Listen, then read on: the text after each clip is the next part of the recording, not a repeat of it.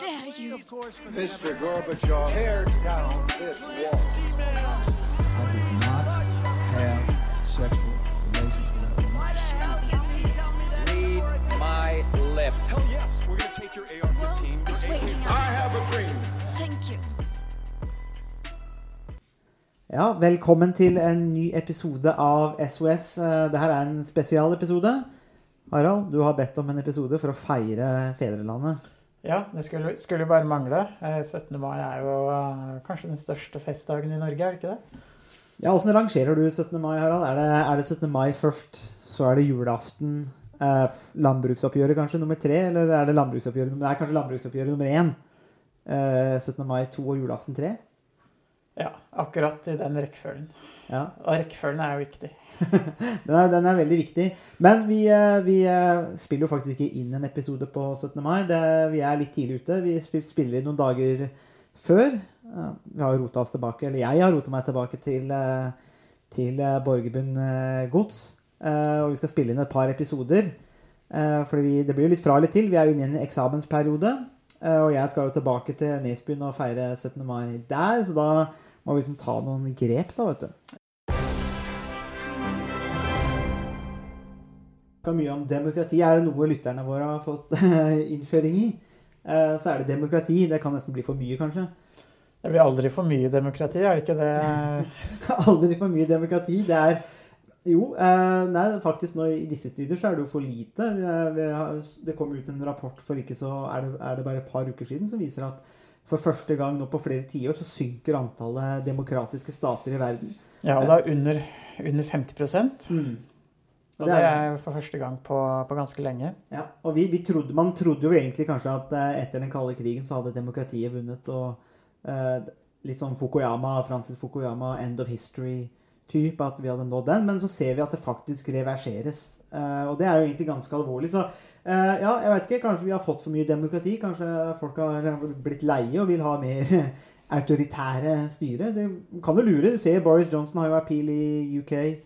Trump USA, Orban i Ungarn, Marine Le Pen eh, i Frankrike. Ja, og vi har jo Erna, Jern-Erna i Norge, Ikke minst Jern-Erna. som, som gjerne ønsker å være autoritær. Det er, eh, det er skikkelig sånn, hva skal vi si, det er eh, provoserende uttalelse her fra Det er Borgerlund. eh, autoritært styre med et smil Eh, Ja, og bergensdialekt. på Bergen. og da er det, og da, og da er det greit. Det, da er det Da greit. liker alle det. Men, men det er likevel et seriøst tema, det, demokrati. Men vi har jo vært innom demokrati før mange ganger, Harald. Vi har også diskutert 17. mai så vidt.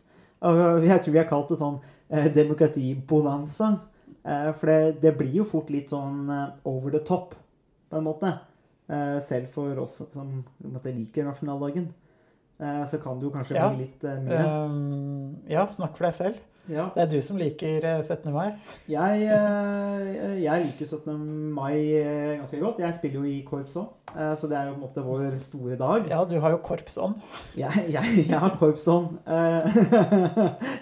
Og for de som kjenner Harald, så vil dere gjenkjenne den doble betydninga av det han nå sa. Eh, kan du lure på hva han mener med det. Men Det, eh, det kommer en spesial spesial. det, det må bli en, en midnattsspesial. Uh, men eh, 17. mai, eh, uansett hvordan man eh, vrir og vender på det, en særdeles viktig dag eh, for eh, Norge. Eh, grunnlovsdagen, eh, som vi feirer, 1814. Men igjen, den dagen Det blir ofte sånn vi, eh, Det blir omtalt med, eller diskutert eh, Gjerne litt sånn overflatisk. Det blir mye sånn floskler knytta til, til 17. mai. Um, og feiringen har jo utvikla seg over lang tid. altså um, Fra 1814 utover 1800-tallet, hvor det ikke var lov. uh, og så mer og mer feiring etter at Karl Johan døde uh, i 1844, vel. Uh, og så kommer første barnetoget med, iverksatt bl.a. av Bjørnstjerne Bjørnson. Eh, bare gutter, riktignok. Uh, før i 1889. Skulle bare mangle. Ja, før i 1889, hvor, eh, hvor jentene eh, ble med. Men, men så Det var kanskje litt tidlig. Det, det var kanskje litt Kvinner tidlig. fikk jo ikke stemmerett før 1913, så de kunne kanskje vente til da. Det, det er eh, en interessant historisk eh, ana analyse. Eh, og eh, men det som også er interessant, er at i 17. mai-feiringa opp gjennom tidene så har det vært politisert. Ehm, slik at På 1800-tallet så var det konflikt mellom både høyresida og venstresida. Her snakker vi om høyre og venstre, altså de partiene. Ikke, ikke, ikke arbeiderbevegelsen, men høyre- og venstrepartiene der, og bøndene. Og det var en politisert faktisk feiring i mange mange år. Og det er jo kanskje først etter 1945 at det har blitt det det har blitt i dag. Hvor det på en måte er en sånn samlende feiring for landet. Uh, så det er viktig å ha den historiske konteksten der. At uh, den feiringa vi har i dag, den er ikke Sånn har den ikke alltid vært. Det har vært mye mer politisert. Betydd mye mer etter andre verdenskrig særlig. Eh, og samtidig så skjer det en utvikling i dag. Og jeg tenker særlig på de unge. altså eh, Ungdom i dag. Eh, så er jo 17. mai stort sett en dag hvor man sover ut bak, eller rusen og er bakfull fra 16. mai. Ligger den feiringa nesten blitt viktigere enn 17. mai. da. Eh, så det er jo det er ikke et statisk begrep. Men eh, jeg tenker litt sånn innledningsvis, Harald. 17. mai, altså hva, hva, skal, hva, skal, vi si om det, annet enn at vi går og spiser uh, pølser, drikker brus, spiser is? Uh, hva, hva, måtte, hva, er dine umiddelbare assosiasjoner når, vi, når det kommer til 17. mai? Og, og, da er jo For vi er jo en podkast om statsvitenskap og sånn, så vi får prøve å vri det inn til det statsvitenskapelige. Det er de assosiasjonene, ikke de, alle de andre assosiasjonene som kommer med. Men statsvitenskapelig, hva, tenker du om 17. mai for Norges rolle i dag? Ja, Du har jo vært inne på flere av de litt sentrale begrepene, som nasjonsbygging. Eh, og også en slags opplæring i eh, demokrati, eller til demokrati. Eh, at det spiller en, en viktig politisk funksjon. At det er en slags politisk massemarkering. Mm. og det som er interessant, syns jeg, er jo også det du nettopp sa om hvordan 17. mai sin eh, rolle, eller feiringen av 17. mai, har endret seg eh, fra 1800-tallet og frem til i, til i dag. Mm. Eh, og mm, etter andre verdenskrig så var det jo en slags frihetsmarkering også. Mm. Eh, og det er også litt interessant, og det er jo på en måte tilfeldig, men det har kanskje hatt betydning for hvordan 17. Eh, mai-feiringen har utviklet seg i Norge. Eh, frigjøringsdagen var jo 8. mai. Uh, og så fikk man da 17. mai en uke senere. Mm. Så det er klart det, det, gjorde at det var lett å koble uh, 17. mai uh, til frigjøringsdagen et, for, for Eller etter andre verdenskrig. Og ved mange, mange steder i Norge i dag så har man jo fortsatt en markering ved, i forbindelse med de som eh, falt under mm. andre verdenskrig på, på 17. mai.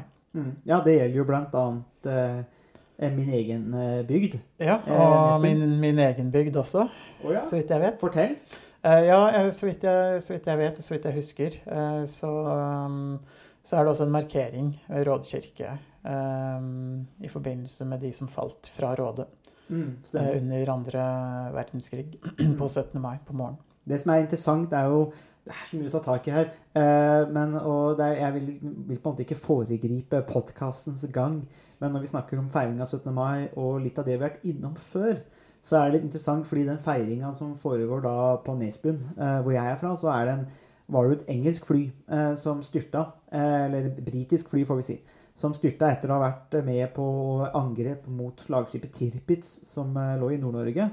Eh, de styrta da i Nesbyen. Eh, det som er litt spesielt, er at der var det Mannskapet gikk jo ned.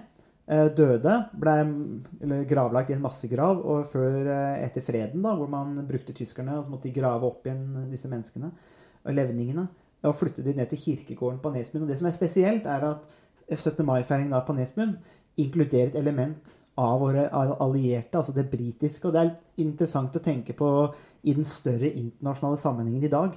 Fordi da på 1940 og mellom 1940 og 1945 så sto man altså sammen da mot eh, Nazi-Tyskland. Uh, og noen av de britene falt jo da i Norge, men blir hedra hvert år i Norge som en del av grunnlovsfeiringen, altså 17. mai-feiringen. Det er et sånn interessant sånn, eh, internasjonalt element. Eh, hvor, man, hvor, hvor, noen altså ofrer livet og ender opp i et land som de måte, ikke visste noe om. Da. Eh, men det er jo liksom interessant i den brexit-debatten og EU-debatten vi har nå om nasjonalstater osv. Men der man ser faktisk koblingen her. da. Men eh, jeg tenker det første vi kan snakke om, er jo på en måte Og det knyttet opp til den podkasten vi hadde eh, som kom ut, kommer ut nå denne uka her, det blir på onsdag eller torsdag, om, om nasjonalstat og internasjonalt samarbeid. Der vi tok utgangspunkt i kronikken til Senterpartileder Vedum. Som, som ja, vi får vel si det mildt, er uenig med, med oss to når det kommer til internasjonalt samarbeid eller overnasjonalt samarbeid. Men noe av det han snakker om, var jo nasjonalstaten. Eh, Og 17. mai tenker jeg kanskje Det er vel en øvelse i nasjonal, altså nasjonalstatsbygging. Det, hva, hva tenker du om det? At det er en, en, en viktig del av den norske nasjonsbyggingen? Jo, det har, har det absolutt vært. Og alle moderne nasjonalstater har jo vært gjenstand for ganske utstrakt uh, nasjonsbygging. Eh, og um, man konstruerte mange steder nasjonalstaten først, som en politisk uh, enhet. Og så måtte man i ettertid konstruere nasjonene og innbyggerne, eller de som var De som var borgerne. Mm. som man konstruerte, og der det blir sagt om, om flere av eh, de moderne, staten, moderne nasjonalstatene, at man, som f.eks. om Italia, at man først konstruerte og samlet Italia, og så skapte man italienerne. Mm. Spesielt, spesielt i Europa, som besto av eh, mange mm, mindre eh, bystater og ulike region... Altså mer, som var mer regionalt eh, fram til eh, et stykke ut på 1800-tallet. Mm.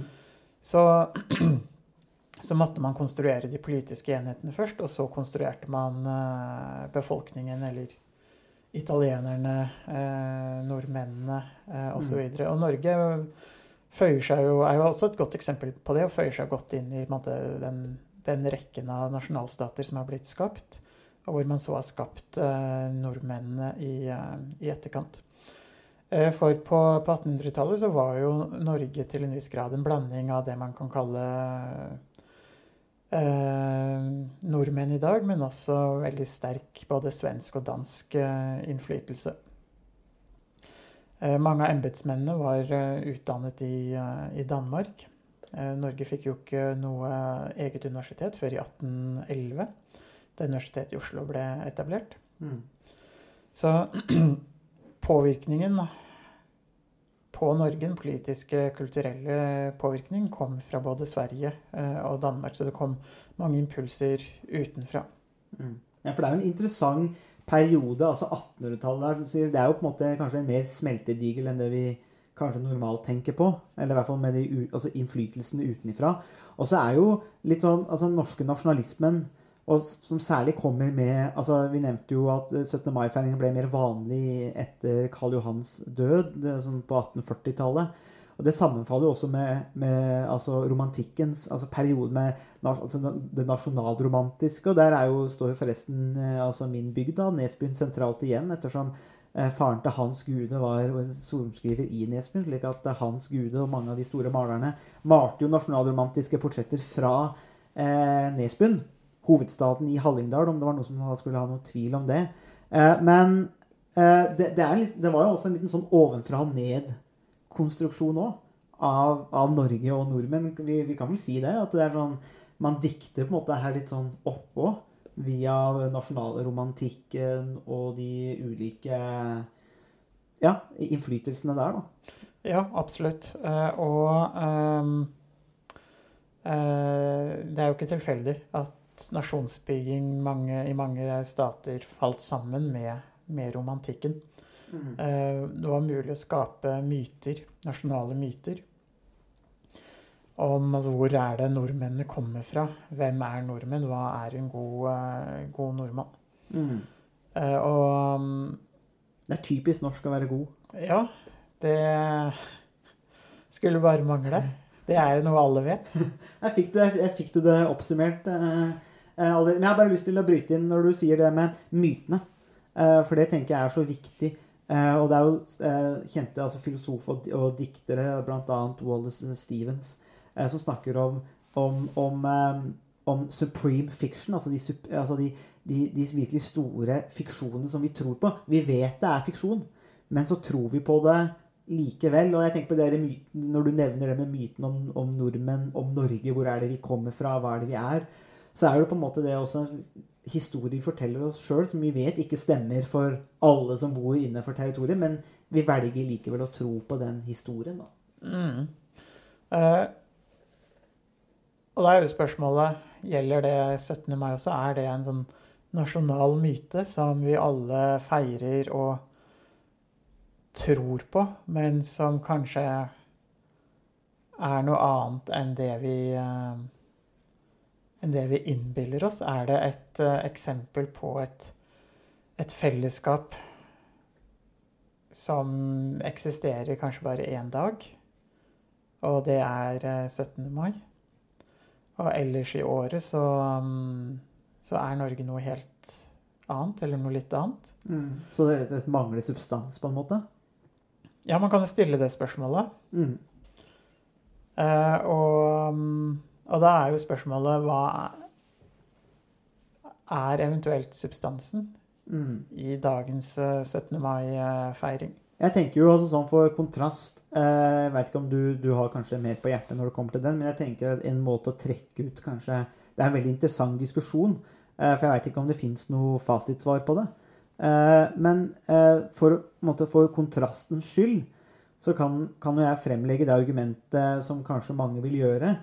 Og det er jo det at eh, 17. mai er på en måte litt sånn lavterskels utdanningstilbud eller utdanningsinstitusjon hvor mens, altså Norges innbyggere, særlig barn og unge, som må gå i tog og eh, måtte jobbe aktivt i skoleverket med 17. mai fra barneskolen av og sånne ting, det er en, en, en slags dannelse hvor man ikke får statsvitenskapelige begreper tredd over hodet. altså slik at eh, Her kommer SOS Podkast på skoleturné og forteller dem om eh, hvor mye gjens- gjensidig nytte de har av eh, å anerkjenne hverandre som frie Det, borgere. det kan vi godt gjøre.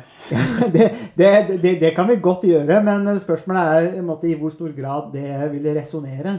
Eh, mens 17. mai eh, og den type eh, eh, hendelser, da, og særlig 17. mai, eh, kan fungere som en slags dannelse eller utdanning hvor man, uten å tenke på det, eh, diskuterer, lærer om, snakker, men også internaliserer eh, liberalt demokrati eh, menneskerettigheter, altså de det vi tenker på med det liberale demokratiet, uten at vi tenker over det, så internaliserer vi de tingene vi vil at Norge skal være.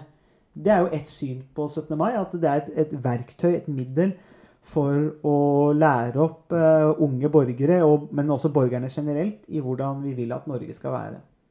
Det er jo en måte å fylle 17. mai med substans. Så det er et slags um, førstehjelpskurs i uh, demokrati uh, og menneskerettigheter. Ja, men du har jo snakka om det sjøl i andre podkaster, Harald, at som borgere nå så har vi nesten ikke tid til å sette oss inn i hvordan demokratiet fungerer. Eh, Det er så komplekst og så komplisert, og de fleste prioriterer stort sett annerledes. De vil bruke tingene på andre ting enn politikk. Men vi må, men er vi, vi, vi må kanskje være enige om at det likevel må ligge et, si, et minimum. Altså et fundament. Altså, det, er, det blir jo en, en dypere kanskje politisk diskusjon, men ofte så antar man at det må jo være et visst fundament eh, der vi som borgere møtes eh, i et rom hvor vi kan ha en felles diskusjon, samtale om de samme tingene, slik at vi kan forstå hverandre. Eh, og jeg tenker Som en opplæring, når ikke alle kan sette seg inn i politikk, for det er det ikke så fryktelig mange som gjør i veldig stor grad, så kan 17. mai fungere som en måte å ja, rett og slett banke inn i folk eh, de tingene vi vil at Norge skal være. Da. De gode tingene som vi assosierer det med. Uh, nei, jeg tror ikke det. Jeg vet ikke helt. Jeg er egentlig ganske uenig i akkurat det der, faktisk. Um, og jeg reagerer litt på Eller det som jeg reagerer på, er egentlig må, den måten du fremstiller det på. Um, Det er jo jobben min. ja. Jeg, men, men, men det, er fortsatt en, altså det er jo fortsatt et vektig argument, så jeg venter på en måte substansiell motbør her. ja. Um, nå, skal du, nå skal du høre her. Ja, nei, ok, nå Gutten min, nå skal du høre her. Nå kommer det. ja. Jeg, jeg er nok veldig uh, usikker på hvilken, uh, i hvilken grad man kan snakke om demokratisk danning uh, generelt.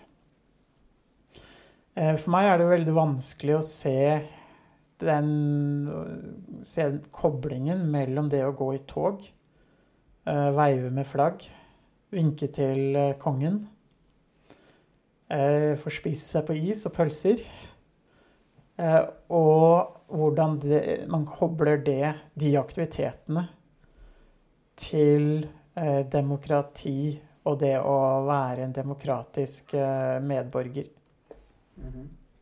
Så man kan si litt om at man kan fortelle en historie til barn og unge eh, før 17. mai. Altså at lærerne f.eks. kan fortelle en historie. Eh, og være, gå inn på noen av de historiske hendelsene som, eh, som har vært viktige for, for å danne det, eh, det moderne Norge som Grunnloven 1814 eh, osv. Eh, Så man kan si at det finnes et dannelseselement eh,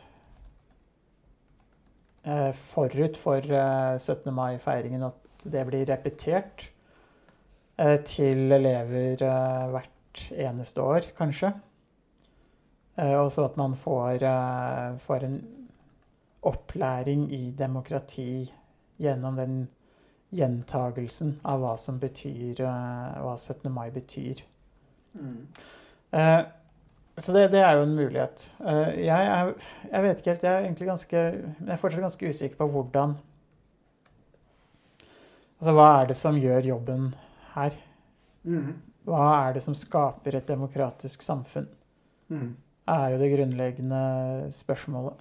Mm. Ja, altså jeg, er jo, jeg jo, deler jo på en måte eh, deler av altså bekymringen bekymringene her. Altså jeg sier jo ikke, altså det er jo ikke mitt eh, det er jo ikke mitt eh, ferdige standpunkt at eh, det er en sånn dannelsesprosess, men eh, noe må vi jo si for at eh, Harald skal fyres opp. Ja, ja. Men- det, det, det, det er jo veldig lett. eh, Men Det er, jo, eh, det er jo veldig lett. Pedagoger og demokratisk danning. eh, da er vi i gang. Men, eh, men, men, det jeg tenker, men, men, men det er veldig interessant det du sier. For, for hva er det som egentlig gjør Hva, hva, hva er det som egentlig måtte fungere i 17. mai som driver den danningen, da, eller demokratiutdannelsen og sånne ting. Og det, det er jeg tenker på, det er et veldig sånn vektig spørsmål uh, og innvending. Også med tanke på, som jeg sa tidligere, at for mange i dag så har jo 17. mai bare blitt dagen hvor man sover ut bakerusen fra 16. mai. Uh, og for en mange mennesker i Oslo så handler det jo bare om og, hvilken plass får du kjøpt på Karl Johan. Uh, og får du kjøpt bord til 30 000 kroner, så du blir sett i 17. mai-feiringa.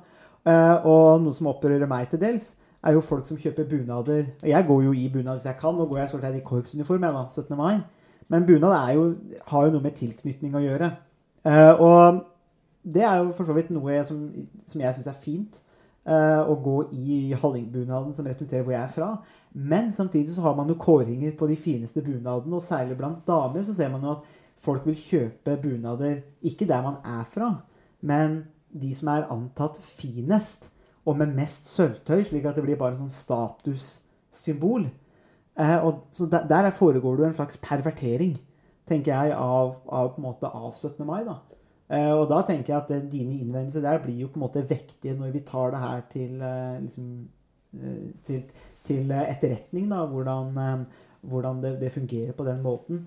Eh, så jeg er, ikke, jeg, er ikke, jeg, er jo, jeg er jo ikke solgt på mitt eget argument her, men det jeg tenker er at det, det, vi fortsetter jo å feire 17. mai. Så enten så holdes det oppe av en slags form for eh, for eh, dekadens, eller en slags merkelig holdning om at vi bare må gå ut i gatene. Jeg tror, tror det som har gjort at 17. mai har blitt så viktig i Norge, er andre verdenskrig. Eh, og det at institusjonene forsvant, altså den friheten som fører med de statlige institusjonene og institusjonene vi hadde i Norge, ikke bare statlige, men institusjoner generelt. Man kunne ikke bare, man kunne ikke faktisk feire 17. mai, Man kunne ikke lese dikt, man kunne ikke synge sanger, man kunne ikke gå på en skole som var måte objektiv. Det skulle bli en NS-skole. Eh, kirka skulle bestemme. Slik at institusjonene falt bort. Og jeg tror kanskje for mange av de rundt andre verdenskrig og generasjonen etterpå, så har 17. mai hatt en viktig rolle rett og slett fordi det er knytta til et metanarrativ, et overspringende narrativ, eller narrativ om frihet som blir borte. Og at man da feirer 17. mai rett og slett fordi at vi har friheten til å ha våre egne institusjoner. Som vi Ja. velger sjøl. Hva tror du om den? Jo, eh, vi, eh, jeg tror vi nærmer oss eh, hverandre nå. Eh, jeg, tenk, jeg tenker jo at det jeg var inne på, på om demokratisk danning, det er ofte et, en retorikk og en måte å snakke på som man eh, tar litt for gitt, og som man ofte bruker i sammenheng med eh, samfunnsfag, eh, 17. mai, eh, demokrati i skolen og en rekke ulike sammenhenger. Og at man bruker det litt for enkelt. Og det blir en litt tom retorikk som man ofte tyr til for å forklare noe som man egentlig ikke helt kan forklare. Men det, det jeg tenk, tenker litt på, spesielt uh, under uh, den siste kommentaren din, var jo, er vel litt det at alle samfunn er jo bygd på, kanskje krever en del ritualer uh, og en del markeringer. At man gjør noen ting sammen, eller deler noe. Mm. Og der spiller jo 17. mai en, eh, en viktig rolle. Og som du var inne på, så har den eh, veldig sterke og spesielle eh, rollen som 17. mai eh, spiller i Norge, har jo litt med, eller kanskje i stor grad, med eh, andre verdenskrig å gjøre. Mm. For noe av det man ikke kunne gjøre under andre verdenskrig, var jo å feire mm, 17. mai. Så da ble det en slags veldig tydelig markering på at man var blitt eh, et fritt og selvstendig eh, land igjen. Mm. Så det man kanskje i større grad feirer, er frihet og selvstendighet. Mer enn direkte demokratiet som institusjon og som, eh, som styreform. Mm. Eh, så er klart da er det jo koblinger mellom demokrati og frihet eh, på et mer sånn grunnleggende teoretisk og filosofisk nivå. Men samtidig så det kanskje, handler det kanskje mer om den, å feire den friheten som eh, vi mistet eh, mellom eh, 1940 og 1945, som vi fikk tilbake igjen. Mm. Eh, og da er jo også spørsmålet hvis, hvis det handler om frihet og selvstendighet, og hver nasjon skal skal være selvstendig, en fri nasjon, så kan man jo også eh, koble det opp til den diskusjonen vi har hatt i Norge mm, noen år, om man skal ha utenlandske flagg eller ikke i 17. mai-toget. For hvis eh, 17. mai er en eh, feiring av nasjonenes frihet og selvstendighet, så er det jo like naturlig å um, gå med indiske flagg for å feire frigjøringen eh, eller avkoloniseringen fra Storbritannia osv. osv. Mm. Så der handler det litt om hvilke, altså hva 17. mai skal være. Skal det være en feiring av Norge? Skal det være en feiring av grunnlovs, eh, Grunnloven og grunnlovsdagen? Mm. Hvis det skal være selve Grunnloven, så trenger man jo strengt tatt ikke så mye flagg, egentlig. Mm. Men når man bruker flagget sånn som man, eh, man har fått, vi har fått som tradisjon å gjøre i forbindelse med 17. mai, så, så gir jo det noen eh, assosiasjoner til en slags frihet. Mm. Ja, du flagger jo hver gang vi publiserer en podkast òg, og det setter jeg eh, veldig pris på. Vi, og det er alltid eh, vimpel i, i flaggstanga her. Ja, det er, eh, det er jo helt, helt fantastisk. Men det der er interessant, fordi vi har jo hatt den eh, flaggdebatten i Norge. Eh, og man, særlig i Oslo så har det eh, måte, skjedd at folk har kommet med andre flagg, og så har det blitt opprørt fordi men vi feirer jo Norge. Eh, og det er en interessant debatt i seg sjøl. Jeg, jeg tenker jo at eh, sånn som det har vært, så har man jo, har jo tradisjonen vært å feire Norge. Eh, og det blir liksom Hva skal andre flagg inn i et sånt tog å gjøre? Det er jo et legitimt spørsmål, og i hvert fall en debatt å ha. Men uh, kanskje ikke en debatt som opptar meg så fryktelig mye. Men det som jeg syns er litt interessant, er det at mange av de som klager på de, uh, disse flaggene, de er uansett ikke kritiske til at nordmenn okkuperer gater og bydeler i Spania og i mange andre land og skal, og skal på død og liv gå i 17. mai-tog i andre land. Og det er noe aldri jeg har forstått. Så jeg bodde jo et år i Wales. Og der hadde, arrangerte jo studenter Det var en ganske stor eh, norsk kohort av altså studenter da, i Wales, i Aberystwyth. 17. mai-feiring. Eh, den valgte jeg ikke å gå på. Rett og slett fordi at hvis jeg vil feire 17. mai, så kan jeg feire sammen med fem millioner nordmenn i Norge. Eh, det samme gjaldt i New Zealand. Eh, jeg gadd jo ikke drive og gå i noe tog eller gå med noe flagg eller feire noe i New Zealand og vise at det var Norges nasjonaldag i New Zealand fordi jeg var i New Zealand. Eh, hvis det var Norge, så kunne jeg bare reist til Norge. Og Det, det, det syns jeg ofte er litt merkelig òg, men det, det, peker litt på den debatten her. Hva er det vi egentlig feirer? For hvis vi skal feire Norge og ikke ha andre typer flagg i norske barnetog, fair. Men hva gjør vi da med alle de nordmennene som på død og liv skal feire i Filippinene og Spania og mange andre land? Da må jo det bli problematisk, det òg. Det blir en slags 17. mai-imperialisme. Ja, og, og, det er kanskje noe av det som er litt problematisk. At Norge på noen områder forsøker å eksportere sine verdier, sine eh, tradisjoner eh, og en måte å gjøre ting på. Eh, og det trenger jo ikke å være problematisk nødvendigvis, men det at man ikke har, er bevisst hva, man, altså, hva det betyr, eh, det kan, eh, kan, jo ofte gjøre det problematisk. Mm. Eh, man må være bevisst hva det betyr, det hvordan det oppfattes av, av, andre. Um, for noen år siden så hadde, hadde vi i familien besøk av uh, noen slektninger fra Australia til jul. Uh, og moren min hadde jo pynta juletreet med norske flagg.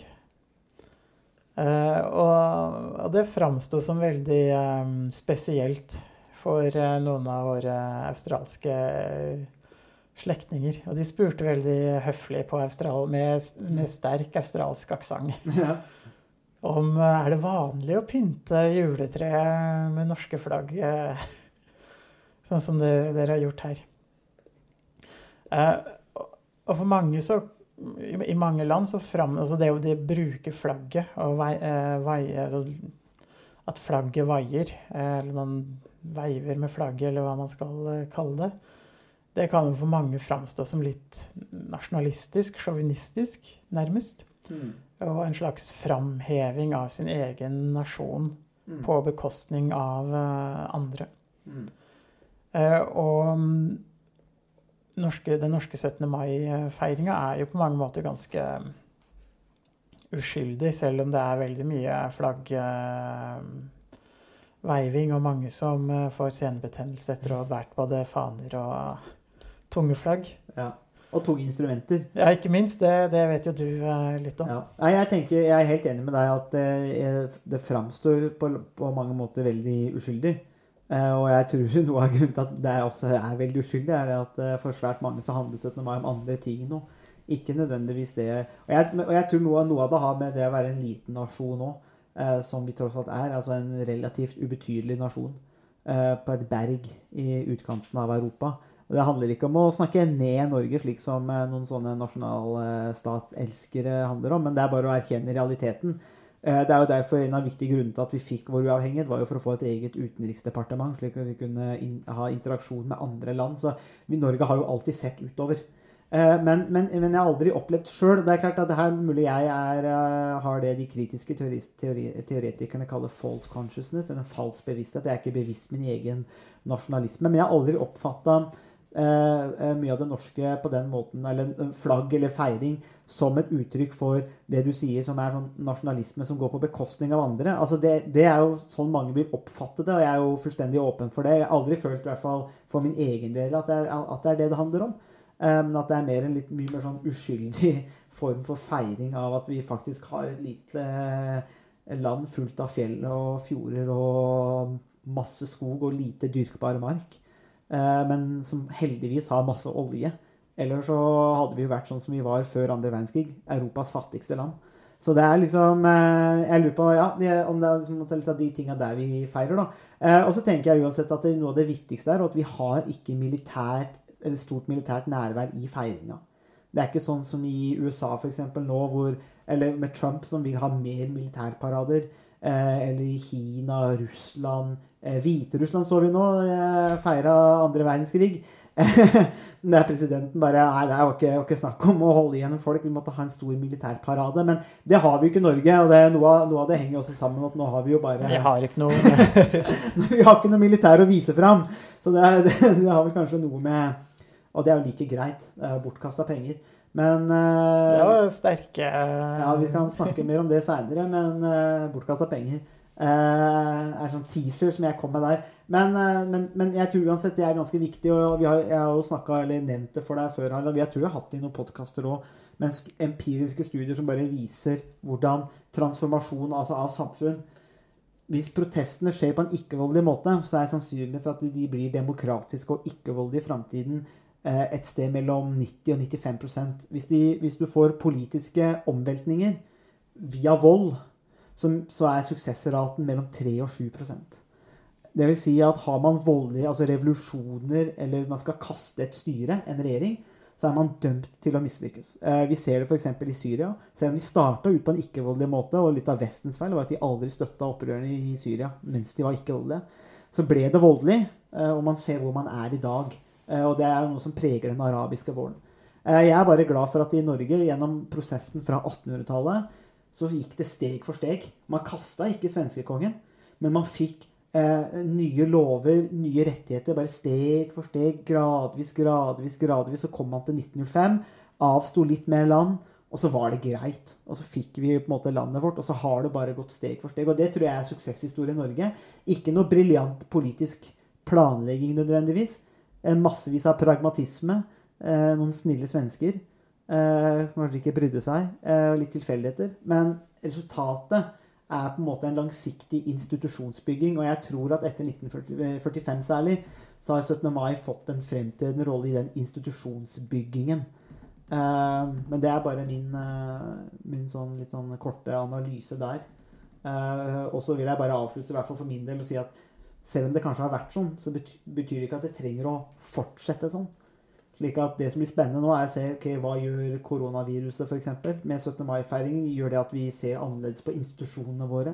Og eh, Samhold, solidaritet, dugnad altså Alle de tingene der. For det er jo ord vi bare slenger ut. Mens covid-19-viruset har jo måttet presse alt det her fram igjen. Altså Hva det egentlig betyr? Vil 17. mai få en rolle i det, hvis vi feirer Norge eller frihet eller grunnlov? Så jeg tror det kan få en Det vil fortsatt spille en viktig rolle, men jeg tror betydningen av 17. mai vil endre seg etter hvert som vi kommer lenger og lenger vekk fra andre verdenskrig. Eh, Og vi må, vi må legge nye meninger eller nye betydning inn i begrepet 17. mai. Da, eller hvordan vi feirer det. Jeg vet ikke hva Du du kan få lov til å avslutte podkasten, Harald. få æren av, av å avslutte jubileums- eller spesialpodkasten vår, som har blitt altfor, altfor lang.